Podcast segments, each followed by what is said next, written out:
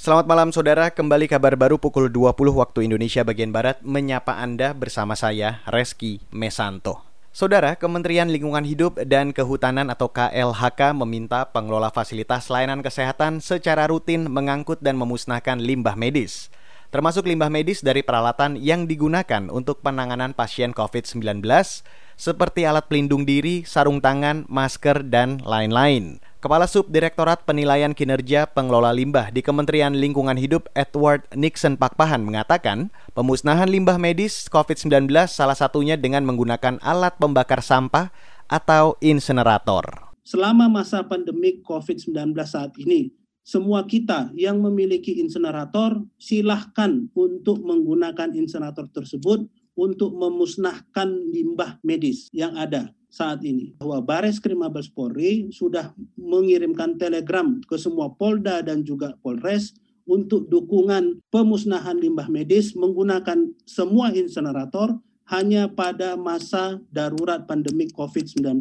ini. Kepala Subdirektorat Penilaian Kinerja Pengelola Limbah di Kementerian Lingkungan Hidup Edward Nixon Pakpahan mengatakan, jika di daerah tidak ada fasilitas insenerator, maka limbah medis bisa dikubur sesuai pedoman pengelolaan limbah medis dari Kementerian Kesehatan. Sebelumnya, Badan Nasional Penanggulangan Bencana atau BNPB menemukan ada alat pelindung diri seperti baju hazmat, masker, dan sarung tangan berserakan di salah satu tempat pemakaman umum di Surabaya, Jawa Timur. APD itu diduga bekas dipakai untuk memakamkan jenazah pasien COVID-19.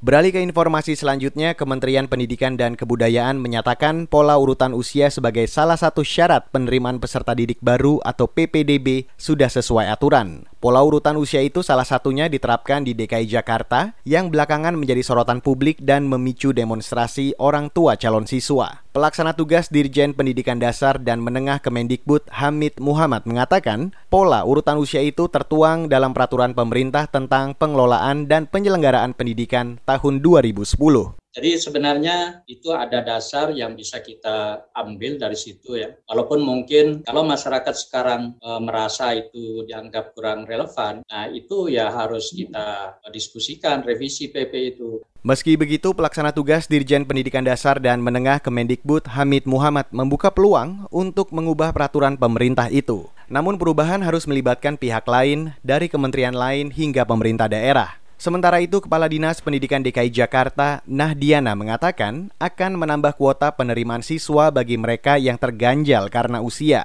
Namun tambahan kuota penerimaan ini ditujukan bagi calon peserta didik yang tinggal dalam lingkungan satu RW dengan sekolah. Saudara PT Kereta Api Indonesia Daerah Operasional 9 Jember, Jawa Timur menghentikan sementara layanan operasional kereta api jarak jauh Rangga Jati, relasi Jember Cirebon. Layanan KA Rangga Jati dihentikan mulai 1 Juli besok. Juru bicara PT KAI Daerah Operasi 9 Jember, Mahendro Trangbawono mengatakan, layanan KA Rangga Jati dihentikan sementara karena okupansi penumpang rendah. Jadi selama dioperasikan mulai tanggal 12 Juni kemarin sampai tanggal 29 Juni itu ke Ranggojati hanya mengangkut 407 penumpang.